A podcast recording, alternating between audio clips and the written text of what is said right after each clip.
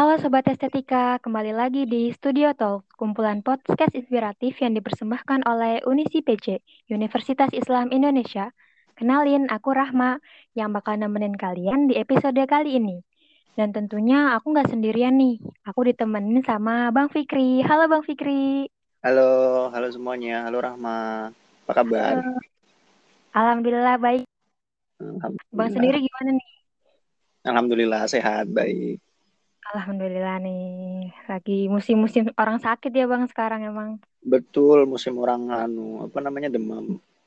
Iya, Alhamdulillah lagi sehat. Nah, bagi yang belum tahu nih, siapa Bang Fikri?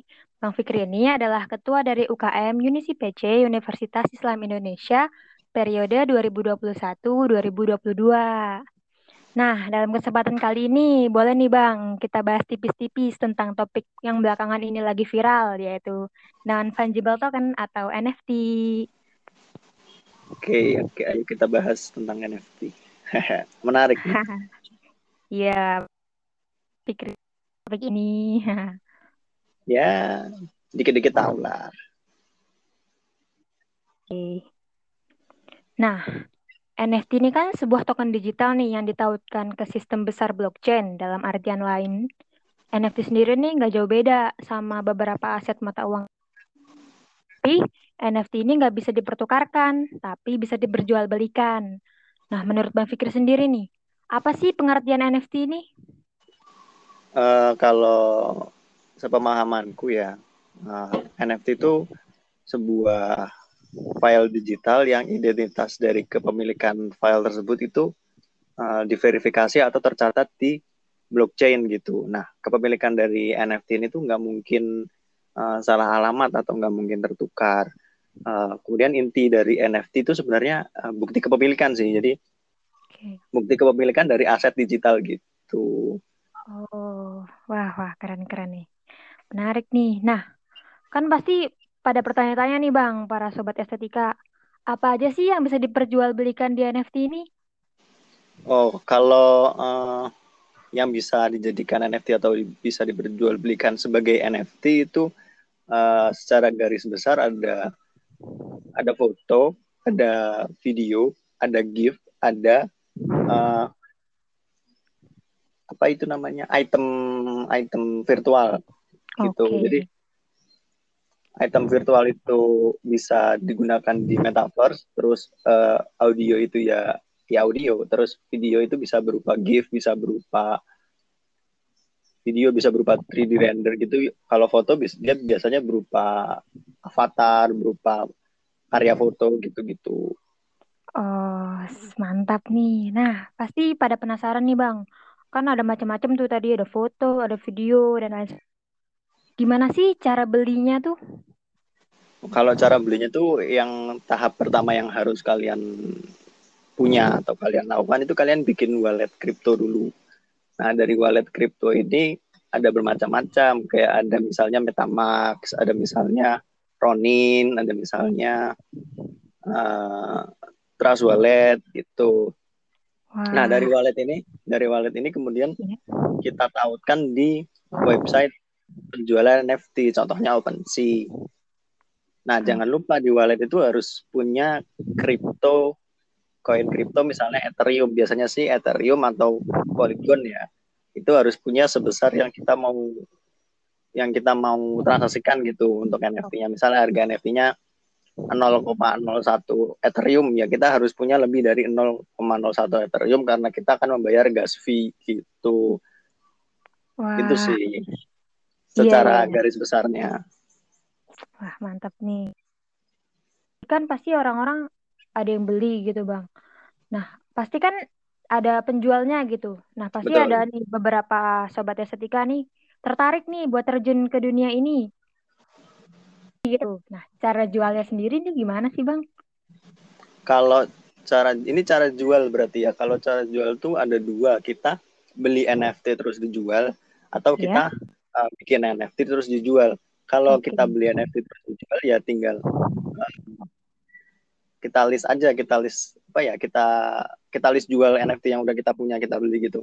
Tapi kalau misalnya mau hmm, apa upload terus jual itu caranya kayak tadi mirip kayak tadi kita harus punya uh, wallet kripto terus kita harus bikin akun di OpenSea misal contoh ya uh, terus habis itu kita ya upload aja kita bikin aja NFT-nya yang perlu dicatat adalah kalau kita udah ngupload sesuatu di sebagai NFT terus tercatat di blockchain itu nggak bisa dihapus sama sekali. Bisa di hide bisa dihapus. Terus kemudian kalau mau uh, upload itu dia ada dua ada dua ada dua blockchain ya.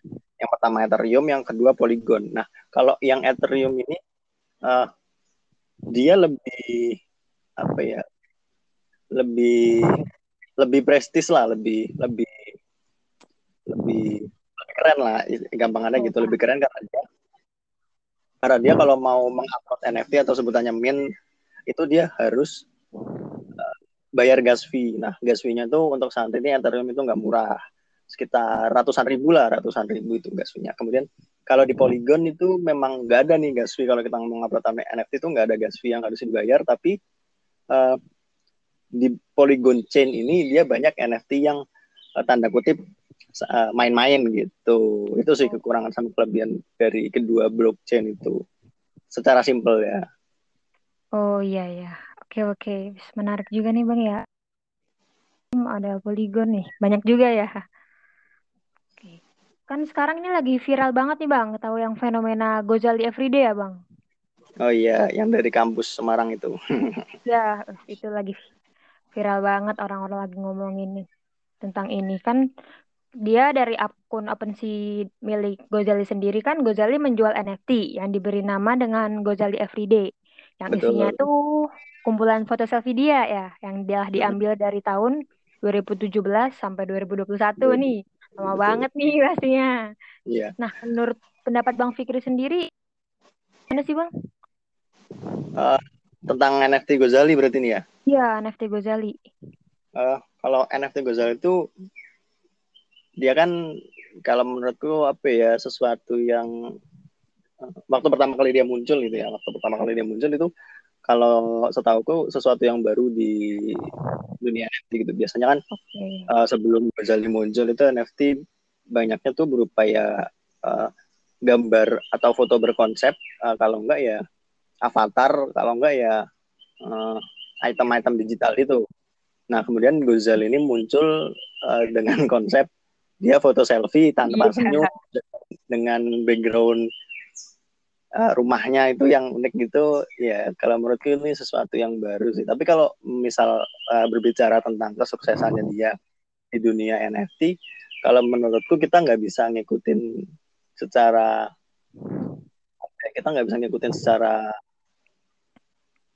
jiplak gitu karena ya persisnya nggak bisa ya Betul, karena Gozali itu punya momentum gitu, momentum yeah. ketika dia ketika dia mempromosikan NFT-nya itu kemudian orang-orang wah unik nih, wah kayaknya lucu nih kalau misalnya beli terus beberapa orang-orang terkenal kayak misalnya Chef Arnold itu kan beli. Jadi uh, kalau misalnya kita pengen coba untuk apa yang dilakukan oleh Gozali itu kemungkinan kita tidak akan seperti Gozali karena kita nggak punya yang kita nggak punya momentum yang Gozali punya gitu sih. Iya, karena emang momentum dia tuh nggak bisa terjadi dua kali gitu kan emang. Betul, itu. Nah, dari dari dari viralnya Gozal ini banyak orang-orang uh, ya sorry itu saya ya uh, gagap iya. gitu. Jadi ya. jadi banyak ngupload tapi ya hal-hal yang nggak bermutu gitulah sebagai NFT. Ada yang upload KTP, ada yang upload terus foto gorengan gitu kak. Wah. Ya, Padahal gitu. bahaya banget gitu ya foto KTP dimasukin NFT. Betul, kan dan foto dan kalau misalnya udah diupload sebagai NFT itu nggak bisa dihapus ya karena dia udah udah ya tercatat di blockchain gitu udah ada di blockchain nggak bisa dihapus. Iya. Pencurian data nih ya bang ya. Betul. Ah. Nah ini juga ya bang, kan tercatat juga ya di akun OpenSea punya Gozal ini dia itu udah mencatat volume transaksi sebesar 297 Ethereum, sekitar 14,2 M. Wah, ini orang kayak mendadak nih. Iya, dia dia dia dapat dia dapat fee dari transaksi uh, eh, NFT yang dia jual. Jadi kalau misalnya kamu misalnya nih aku jual NFT ke kamu, nah Gozali itu dapat uh, tergantung sih bisa lima persen bisa tergantung Gozali uh, settingnya berapa. Jadi dia bisa dapat keuntungan dari itu dari transaksi uh, NFT miliknya gitu. Oh, jadi ngalir terus ya bang ya fee-nya dia. Iya, selama, selama NFT-nya itu diperjualbelikan orang, dia tetap dapat komisi. Gitu. Mantap, mantap nih.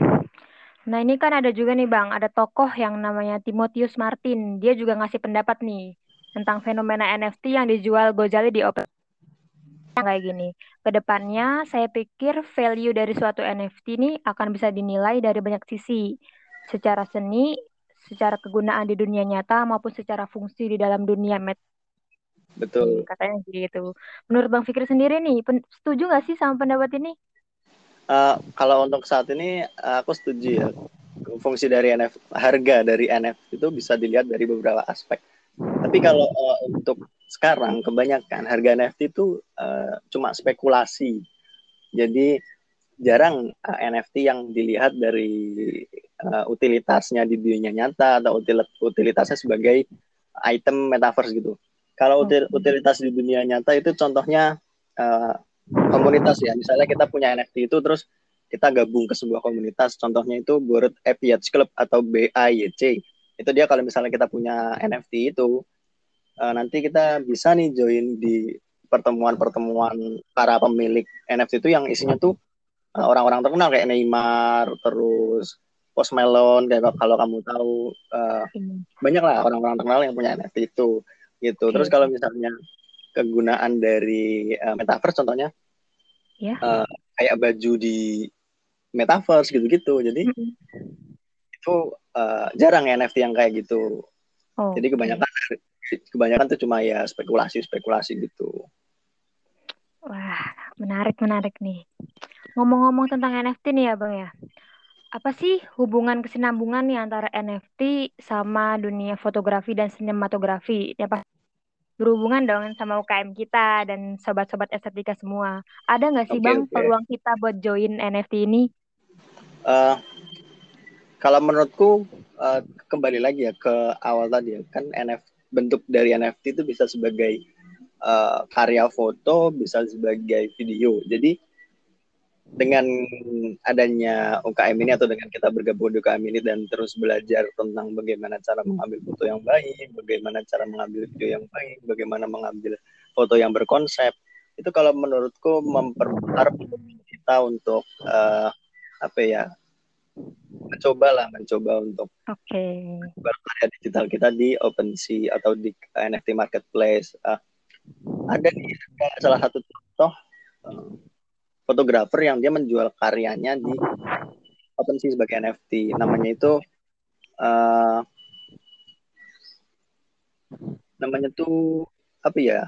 Ini uh, Drive by Dave Krak Krak Krak Krakman. Nah, itulah pokoknya oh, Drive iya. Dave Krakman itu. Nah, jadi konsep dari uh, Drive ini dia kumpulan gambar kendaraan khususnya mobil yang dia foto dari samping dan mobilnya tuh unik-unik gitu. Jadi fotografinya itu berkonsep bukan fotografi abstrak gitu. Terus dia jadikan NFT dengan supply terbatas. Ya terus booming. Nah, mungkin orang menganggap ini unik gitu ya unik kayak foto foto mobil terus uh, angle-nya sama terus uh, tone-nya sama uh, banyak orang yang menganggap sebagai wah sesuatu yang nah mungkin uh, dengan itu belajar fotografi itu mungkin bisa uh, apa ya mencari sesuatu hal yang baru dan unik juga kemudian kita jadikan NFT gitu. Wah keren-keren nih. Jadi kayak ada ciri khasnya sendiri gitu ya bang ya? Iya. Betul. Mantap, mantap. Nah, ini ya bang ya hubungan antara NFT sama fotografi dan lain sebagainya. Sebenarnya apa sih Bang benefit yang bisa didapat kalau kita terjun di dunia NFT ini? Yang pastinya cuan dong Bang. benar, benar sih itu.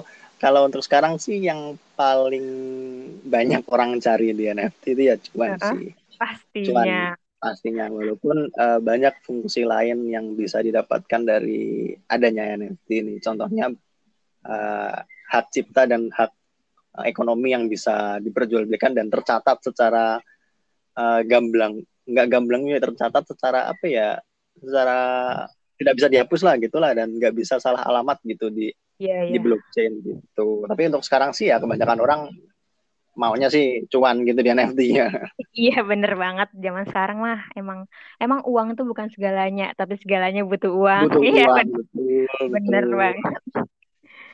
Benar, benar. Nah, yang terakhir nih, Bang. Apa nih pesan dan saran dari Bang Fikri sobat estetika semua yang mau terjun ke dunia NFT?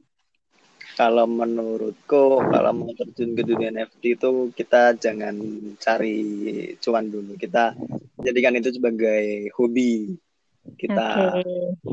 jadikan itu sebagai eh, sampingan bukan kayak ah, aku pengen kaya terus aku pengen jual NFT ya enggak enggak gitu Iya. kita jadikan itu sama kayak Gozali dulu Gozali dulu aku yakin dia nggak bak- nggak nggak kepikiran kalau uh, foto-fotonya itu bakal aku Bakal viral.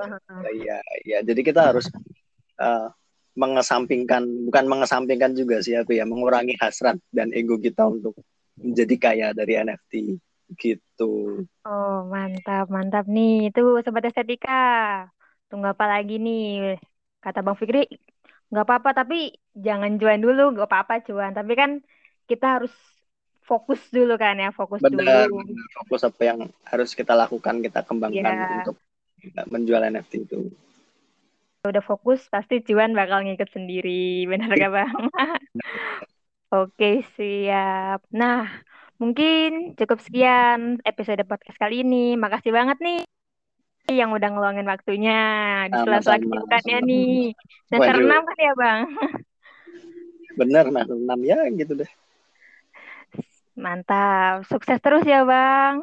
amin amin kalian juga ya harus sukses pokoknya Sukses, kita sama-sama sukses. Amin. amin Iya. Oke, semoga podcast kali ini bermanfaat bagi kita semua. Sampai bertemu di episode tentunya di Studio Talks, podcast inspiratif dari Unisi PC, Universitas Islam Indonesia. Stay tune and bye-bye.